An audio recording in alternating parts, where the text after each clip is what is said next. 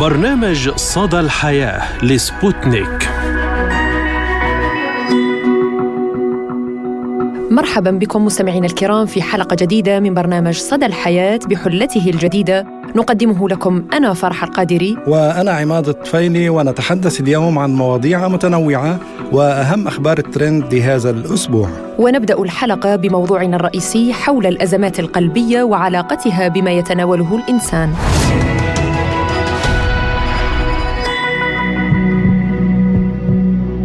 دقات القلب حين تتسارع في لحظات سعادتك أو فرحك أو خوفك أو حزنك واحيانا تتباطأ حين تحدث لك صدمات. صدمات عاطفية ونفسية غير متوقعة فما بين 60 و100 ضربة في الدقيقة هي معدل ضربات القلب في حالات الراحة وأقل من ذلك للشخص العادي غير الرياضي هي إشارة لمشكلة خطيرة لعمل سرعة القلب البطيئة. وإذا تباطأت الدقات لأي سبب كان فهذا دليل على انخفاض تدفق الدم في الشرايين. نعم، هي إشارة للإصابة بنوبات قلبية مفاجئة. فكيف نحمي قلوبنا من الصدمات ومن النوبات القلبية؟ وهل للأطعمة وما نتناوله علاقة مباشرة باحتمالية التعرض للنوبات القلبية؟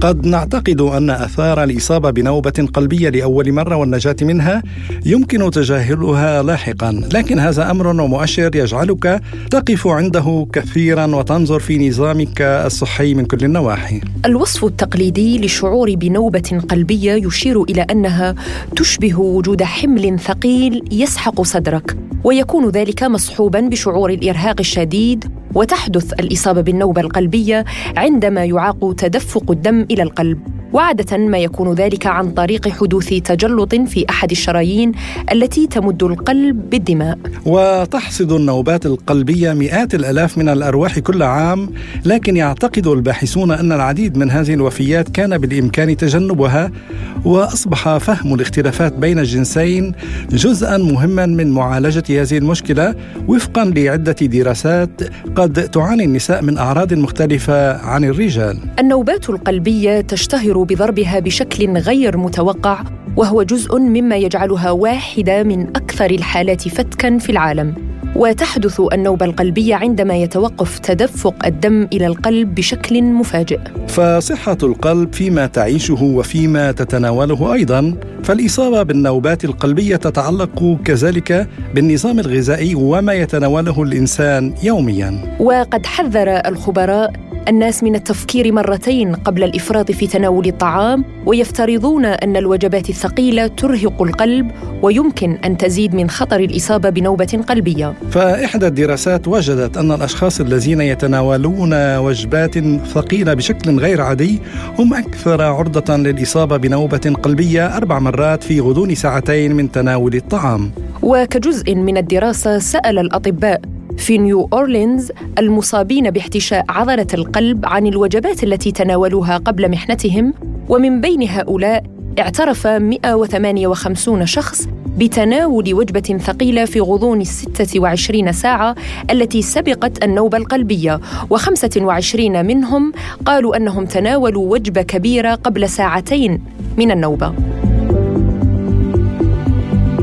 وللحديث أكثر مستمعينا الكرام عن هذا الموضوع نستضيف معنا الدكتورة ندى صليبة أخصائية قلب وشرايين وخريجة معهد الطب الأول في موسكو. أهلا وسهلا بك دكتورة ندى وشكرا لك على تلبية تواجدك معنا. وهذا لنستفيد نحن ونفيد المستمعين. نبدأ من موضوع النوبات القلبية. يعني هناك الكثير من المؤثرات الخارجية من قلق وعصبية وأيضا صدمات نفسية وعاطفية. ما هي النوبة القلبية أو ما هي الأزمة القلبية وما هي مسبباتها؟ مرحبا. بالنسبة للنوبة القلبية هي يعني مصطلح بفوت فيه أكثر من شغلة. بس الأساس بدنا نحكي على الجرحى القلبية هي انسداد بالشرايين عدم وصول الدم لمنطقة معينة من عضلات القلب بيؤدي لإحتشاء عضلة القلب يعني موت الخلايا. هلا هذه القصة بتبلش من وقت ما بصير في عندنا تصلب بشرايين القلب لتوصل لانسداد كامل لشريان معين بيؤدي للذبحة.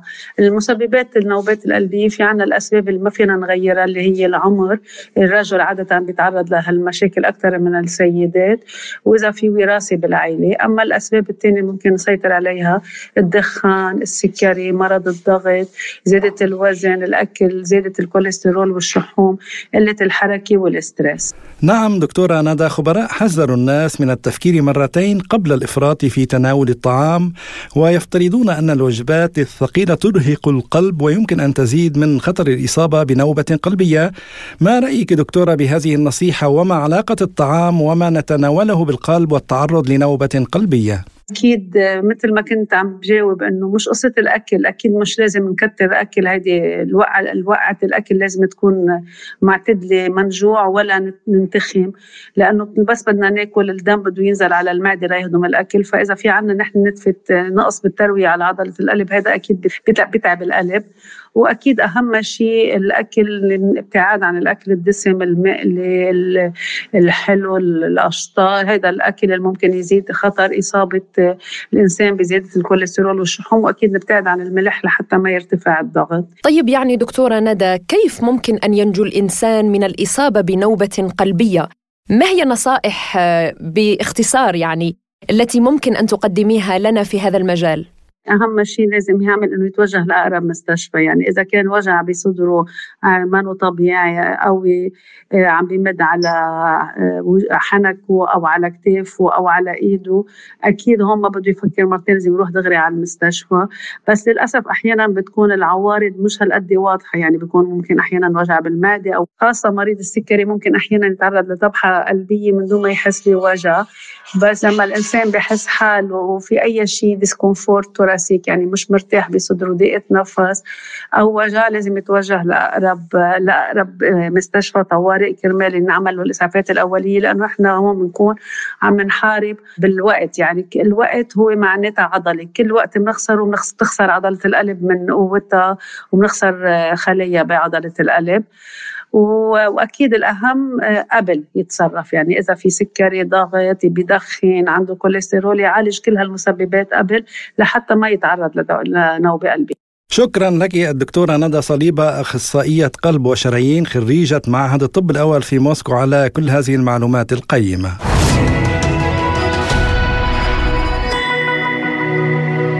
وكذلك نستضيف معنا الدكتور علي سماحة أخصائي قلب وشرايين أهلا وسهلا بك دكتور علي وشكرا لك على تلبية الدعوة أهلا فيكم. آه، يعني موضوع مرض القلب والتعرض لنوبات قلبية، الكثير من من الناس لا يعون جيدا مدى خطورة الأمر آه، لا سيما إذا حدث معهم لأول مرة.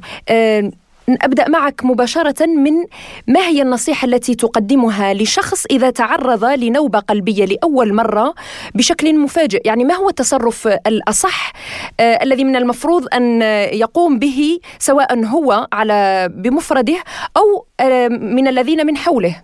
نعم. آه عند الحديث عن النوبة القلبية آه بدنا أهم شيء نعرف المريض أي مريض هو المعرض يصير عنده نوبة قلبية أكثر من غيره. يعني المتقدمين بالعمر يعني العمر فوق ال 40 سنة اجمالا الأشخاص المدخنين الأشخاص اللي عندهم مشاكل بالعائله سابقه عندهم مشاكل قلب أمهم بيهم عمتهم خالهم اكسترا هودي عرضه أكثر ليعملوا مشاكل قلب. فهيدا الشخص مجرد ما حس بوجع صدر قوي بلهجه قوية بتعرق الوجع عم بشل على كتفه الشمال عم بشل على رقبته على حنكه. أفضل بهي يعني ممكن يكون عم بحضر لنا أزمة قلبية حاده بهيك حالة عند حدوث هيدي العوارض بالتحديد أكثر شيء وجع الصدر بحس مثل بلاطة شيء طابق كثير على صدره مع تعرق شديد. أفضل التوجه لاقرب مستشفى أو مركز صحي لأنه بيكون بحاجة لعناية مباشرة. إذا كان عن جد في عوارض ذبحه قلبية عنده. طيب دكتور علي ما هي أفضل الأطعمة برأيكم التي تساعد عضلة القلب وتمنع الإصابات بالنوبات؟ أوكي بالنسبة للأطعمة أكيد نحن بس نحكي بالأطعمة عم عم نحكي عن الوقاية من التعرض للأزمات القلبية. نعم. أكيد بنعرف أهم عوامل الخطورة عندنا بحدوث النوبات القلبية هو السكر الغير منتظم مرض السكر الغير منتظم والدهنيات تجمع الدهنيات بالدم. فبطبيعة الحال الأطعمة الغنية بالسكر بالحلو كثير بالذات عند الأشخاص اللي عندهم داء السكري أو الأطعمة الغنية بالدهون. هي الأطعمة اللي ممكن تأذي أكثر شيء وتعرضنا لنعمل نوبات قلبية. نعم آه، بالنسبة كذلك عندي سؤال دكتور آه، برأيك يعني ما علاقة الحزن أو التعرض لصدمات عاطفية ونفسية بمرض القلب أو بالتعرض لنوبات قلبية؟ خصوصا بالنسبة للشباب تحديدا. يعني هناك الكثير من الحوادث التي تخص الشباب الذين تعرضوا لصدمات قلبية. نعم. يعني في مثل دارج عندنا بالعربي بيقولوا كسرت لي قلبي. نعم. أوكي؟ يعني انكسر قلبه الشخص وبالفعل هيدي انت describe يعني أو أول حالة تقريبا تصنفت هيك حالة نتيجة حزن عميق عميق صارت باليابان. فسموها takotsubo. takotsubo يعني القلب بيصير شكله مثل شكل الجره وبيبطل يشتغل بطريقة مضبوطه بطبيعة الحال أنا بس يكون عندي حزن. هالحزن بده يغير لي كثير بالجهاز العصبي المركزي اللي عندي بردات فعلي وكلها حتأثر سلبا على عمل القلب على دقات القلب على وظيفة عضله القلب وتؤدي لنوبات قلبيه مثلا بعطي على سبيل المثال أي شخص منا بس يكون حزين أو تعبان أو موتر ممكن يزيد دقات قلبه يزيد عدد دقات قلبه. يعني نحكي الشخص الطبيعي دقات قلبه بين ال 60 وال 90 ممكن كل ما علو دقات القلب كل ما مستوى التغذية لعضله القلب صار أخف. كل ما الريسك لحتى نعمل نوبات قلبية صار أكثر. طيب دكتور علي ما هي النصائح التي تقدمها لمرضى القلب يعني ومن يعاني من هذه المشكلة؟ نعم. أهم شغلة بنقول درهم وقايه خير من كتار علاج. يعني في أشياء للأسف بعوامل الخطوره لأمراض القلب والشرايين ما بنقدر نغيرها. يعني بنعرف مثلا العمر ما بنقدر نرجع بعمرنا لورا. بعد ال 40 صرنا معرضين أكثر نعمل مشاكل قلب مثلا السيرة العائلية إذا عندنا family history باهلنا أو قرايبنا عندهم مشاكل قلب كمان هيدي ما في يغيرها هيدي predisposition already موجودة. okay هودي العوامل ما بنقدر نغيرهم ولكن العوامل اللي بإيدنا اللي بنقدر نغيرهم مثلا الإقلاع عن التدخين إذا كنا بندخن ممارسه الرياضة okay لأنه كمان بتساعدنا تنشط عضلاتنا وبيناتهم عضلة قلبنا. الأكل السليم إذا إذا بدنا كمان فينا نركز عليها. حتى لو كنت مريض سكري أو مريض ضغط ولكن بقدر أعالجهم بالأدوية بالوصفات المضبوطه يعني أنا لو مريض سكري وعم باخذ دواء السكر بانتظام عندي ومخزون السكر محافظ عليه على معدل معين أكيد خطر الإصابة بأعراض القلب وأمراض القلب بتصير أقل بكثير، كمان بالنسبة للضغط الشرياني، إذا الضغط كان عندي منتظم طبيعة الحال الخطورة للإصابة بأمراض القلب حتصير أقل. آه، نعم تحدثت على نقطة مهمة دكتور عن الأغذية. آه، برأيك يعني هل للنظام الغذائي الذي يتبعه الشخص علاقة مباشرة بصحة القلب؟ آه، مية بالمية مية بالمية طبيعي. يعني نحن بنشوف بحياتنا يعني بالقرن الحالي اللي عايشين فيه كل ما عم نروح نحو الأطعمة السريعة. نتيجه يمكن الشغل نتيجه الافيلابيلتي إلى كذا والأطعمة السريعة غالبا ما تكون مشبعة بالدهون يعني اكثريتها معتمده على الزيت على المقالي على هاي الأشياء وهيدي كلها أكيد بتساهم آه ارتفاع مستوى الدهنيات بالدم وبطريقة غير مباشرة بتصلب الشرايين ومشاكل القلب والضغط. نعم الدكتور علي سماحه أخصائي قلب وشرايين كنت معنا من بيروت شكرا جزيلا لك دكتور علي. شكرا لك دكتور علي على هذه المعلومات. شكرا لكم.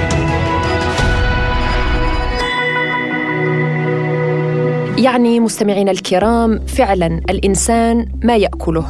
وهذا يعني هذه الجملة بالتحديد كانت قد قالتها الدكتورة الإسكتلندية جيليان مايكيث وصاحبة كتاب You Are What You Eat الذي أصدر عام 2004 وبيعت منه في نفس السنة أكثر من مليوني نسخة. صحيح ومثل ما يقال صحتك في صحنك علينا أن نختار جيدا ما نأكله فما تدخله لجسمك من أطعمة تلعب دورا أساسيا في عمل الأعضاء ولا سيما عضلة القلب. القلب وما أدراك ما القلب.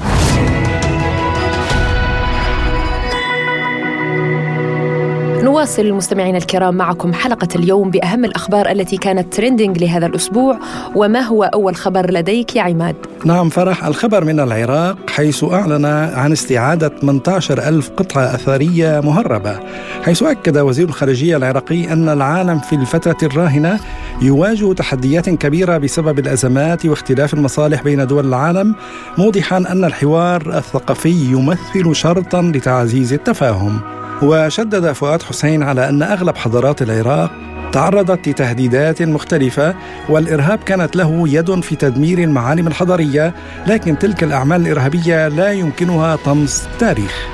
وأشار وزير الخارجية العراقي إلى أن بلاده تنتهج رؤية تشاركية وهناك مسؤولية أمامه في المستقبل للأخذ بزمام التعاون المشترك لافتا إلى أن تحديات التغير المناخي تتطلب تعاونا مشتركا وبأن منتدى الحضارات العريقة الذي يستضيفه العراق يعد طريقا دبلوماسيا قويا لدعم الجهود العالمية في مواجهة تحديات الراهنة.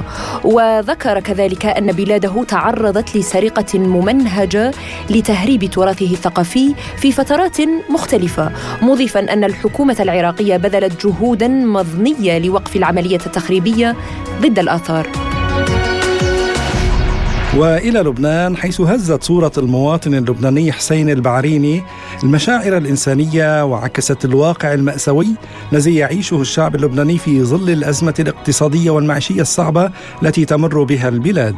ونقلت وسائل إعلام محلية لبنانية أن المواطن حسين البعريني من بلدة فنيدق العكارية اضطر إلى رهن سيارة ابن شقيقته لإخراج جثة طفله الرضيع الذي توفي بعد بقائه 25 يوما في الحاضنة وبلغت فاتورته 2500 دولار أمريكي. أنا والد الطفل أحمد حسين البعريني دقوني من المستشفى الدكتور بكير. دق لي الصباح قال لي معوض بسليم زيك الصبي توفى؟ الصبي صار له 24 يوم بالجوفاس فرحت لجيب الطفل من المستشفى. قمت وصلت لهونيك انطرنا تبعت المحوسبه لاجي ف قلنا لها شو بدنا ندفع؟ قالت لي طول عليك 2400 دولار، رجع بعد شوي قالت لي آه في جمعية برعت لك ب 350 دولار.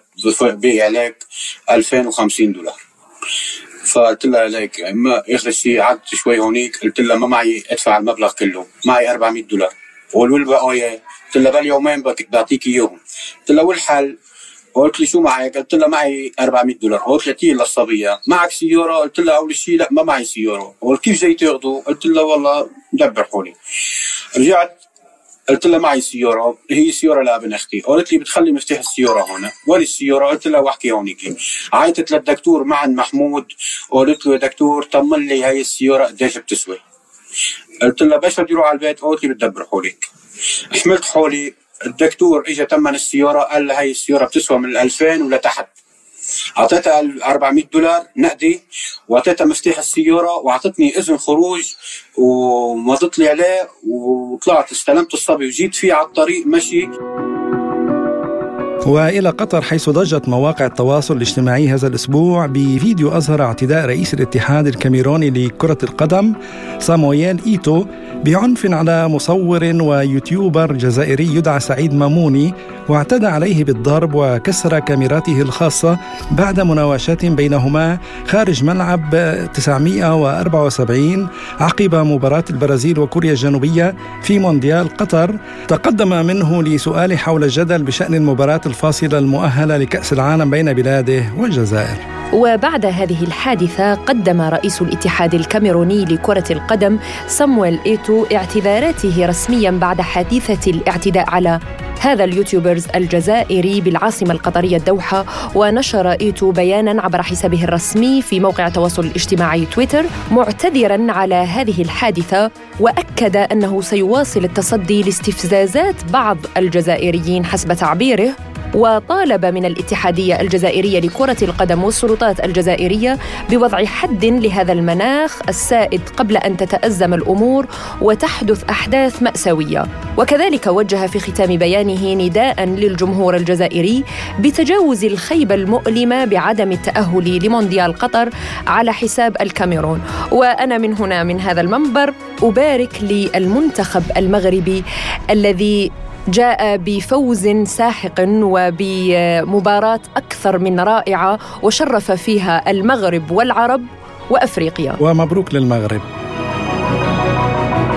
شركة ميتا تهدد بحذف الأخبار من فيسبوك في هذه الحالة.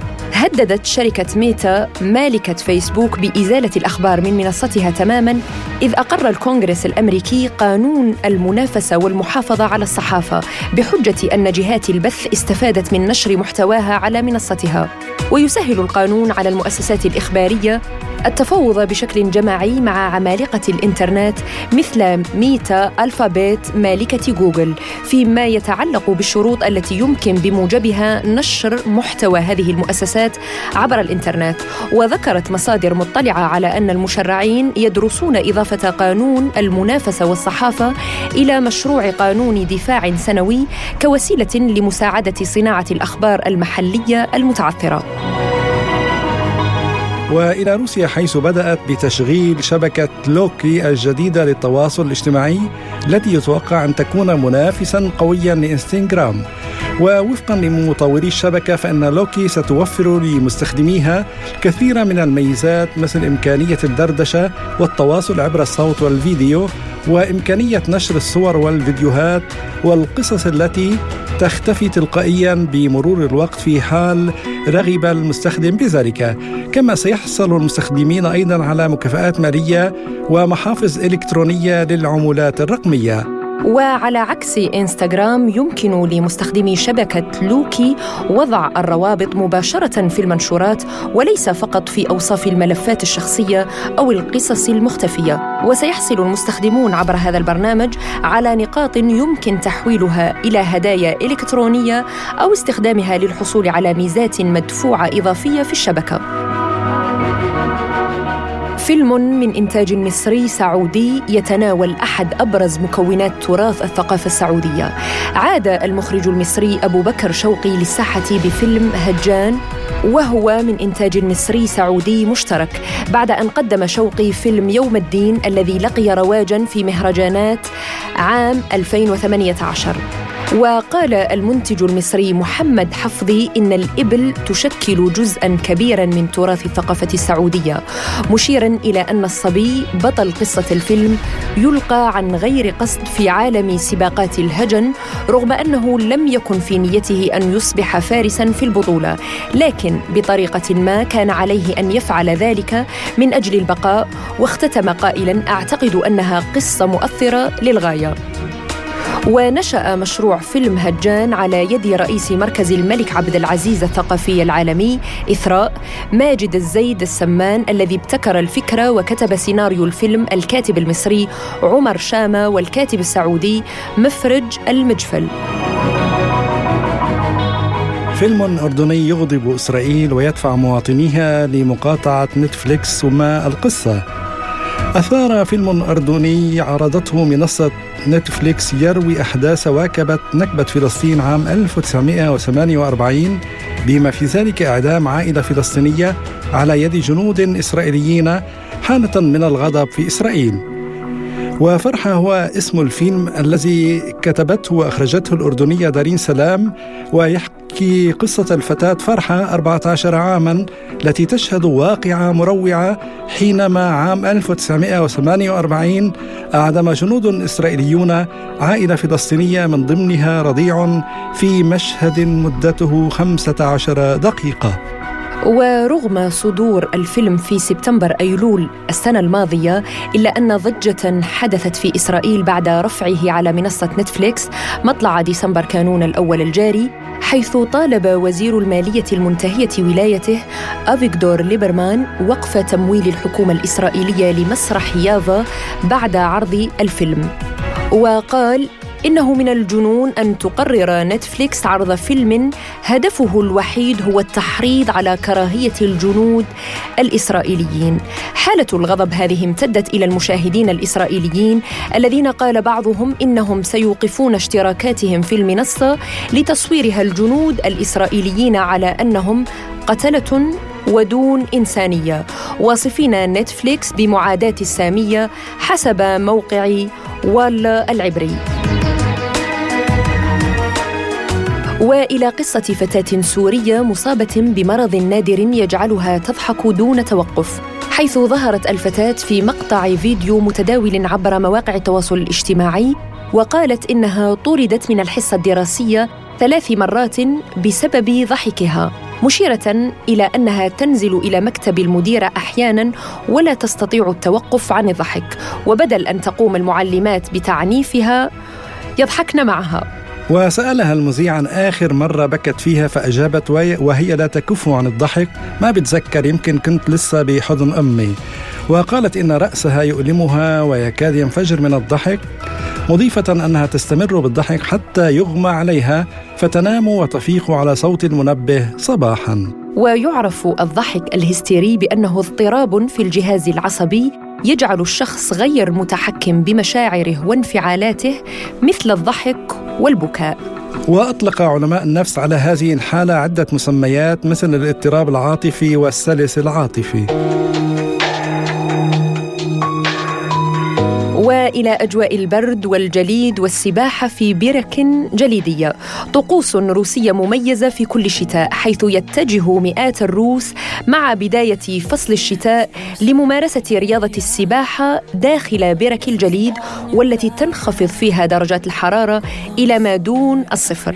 وتعتبر السباحة في برك الجليد تقليد متوارث عبر العصور فإن السباحة في المياه المتجلدة له فوائد جمة على صحة الإنسان. يقول باحثون في مجال الصحة إن الدراسات تظهر أن السباحة في المياه الثلجية يمكن أن تسهم في معالجة بعض الأمراض ومداواة الجروح ولكن يذكرون أنه ليس هناك الكثير من الأدلة التي تثبت فعاليتها في منع تدهور الحالة الصحية لممارسيها.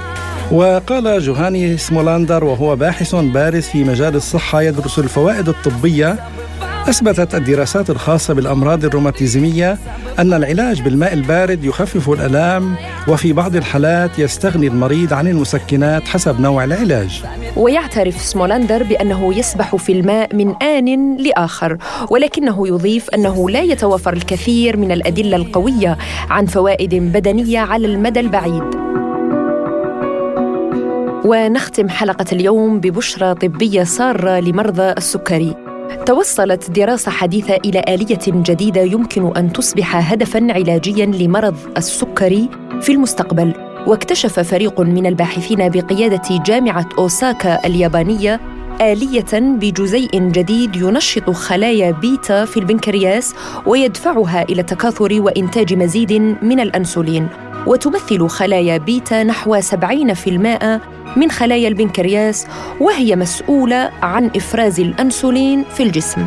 أما الأنسولين فهو هرمون يتحكم في امتصاص خلايا الكبد والدهون والعضلات الهيكلية للجلوكوز ويعد مفتاحا في تنظيم استخدام الكربوهيدرات وتخزينها لتلبية احتياجات الجسم من الطاقة.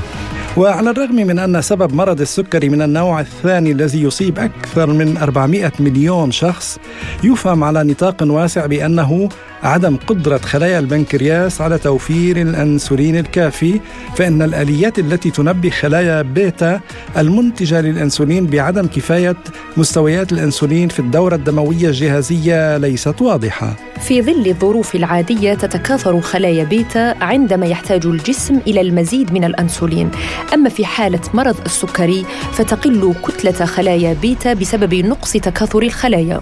وتقول الدراسة الجديدة التي أجريت على الفئران إن عضوا فريدا من عائلة بروتينات الكادرين الفائقة يسمى تي كادرين يمكنه تنبيه خلايا بيتا المنتجة للأنسولين في البنكرياس إلى نقص الأنسولين في الدم. ونصل مستمعينا الكرام إلى نهاية حلقة اليوم من البرنامج. كنت أنا معكم عماد طويلي. وأنا فرح القادري دمتم في أمان الله وحفظه ولا تنسوا متابعتنا على قناتنا تليجرام وأيضا الموقع الرسمي سبوتنيك دوت إي. وشكرا لإصغائكم وإلى اللقاء.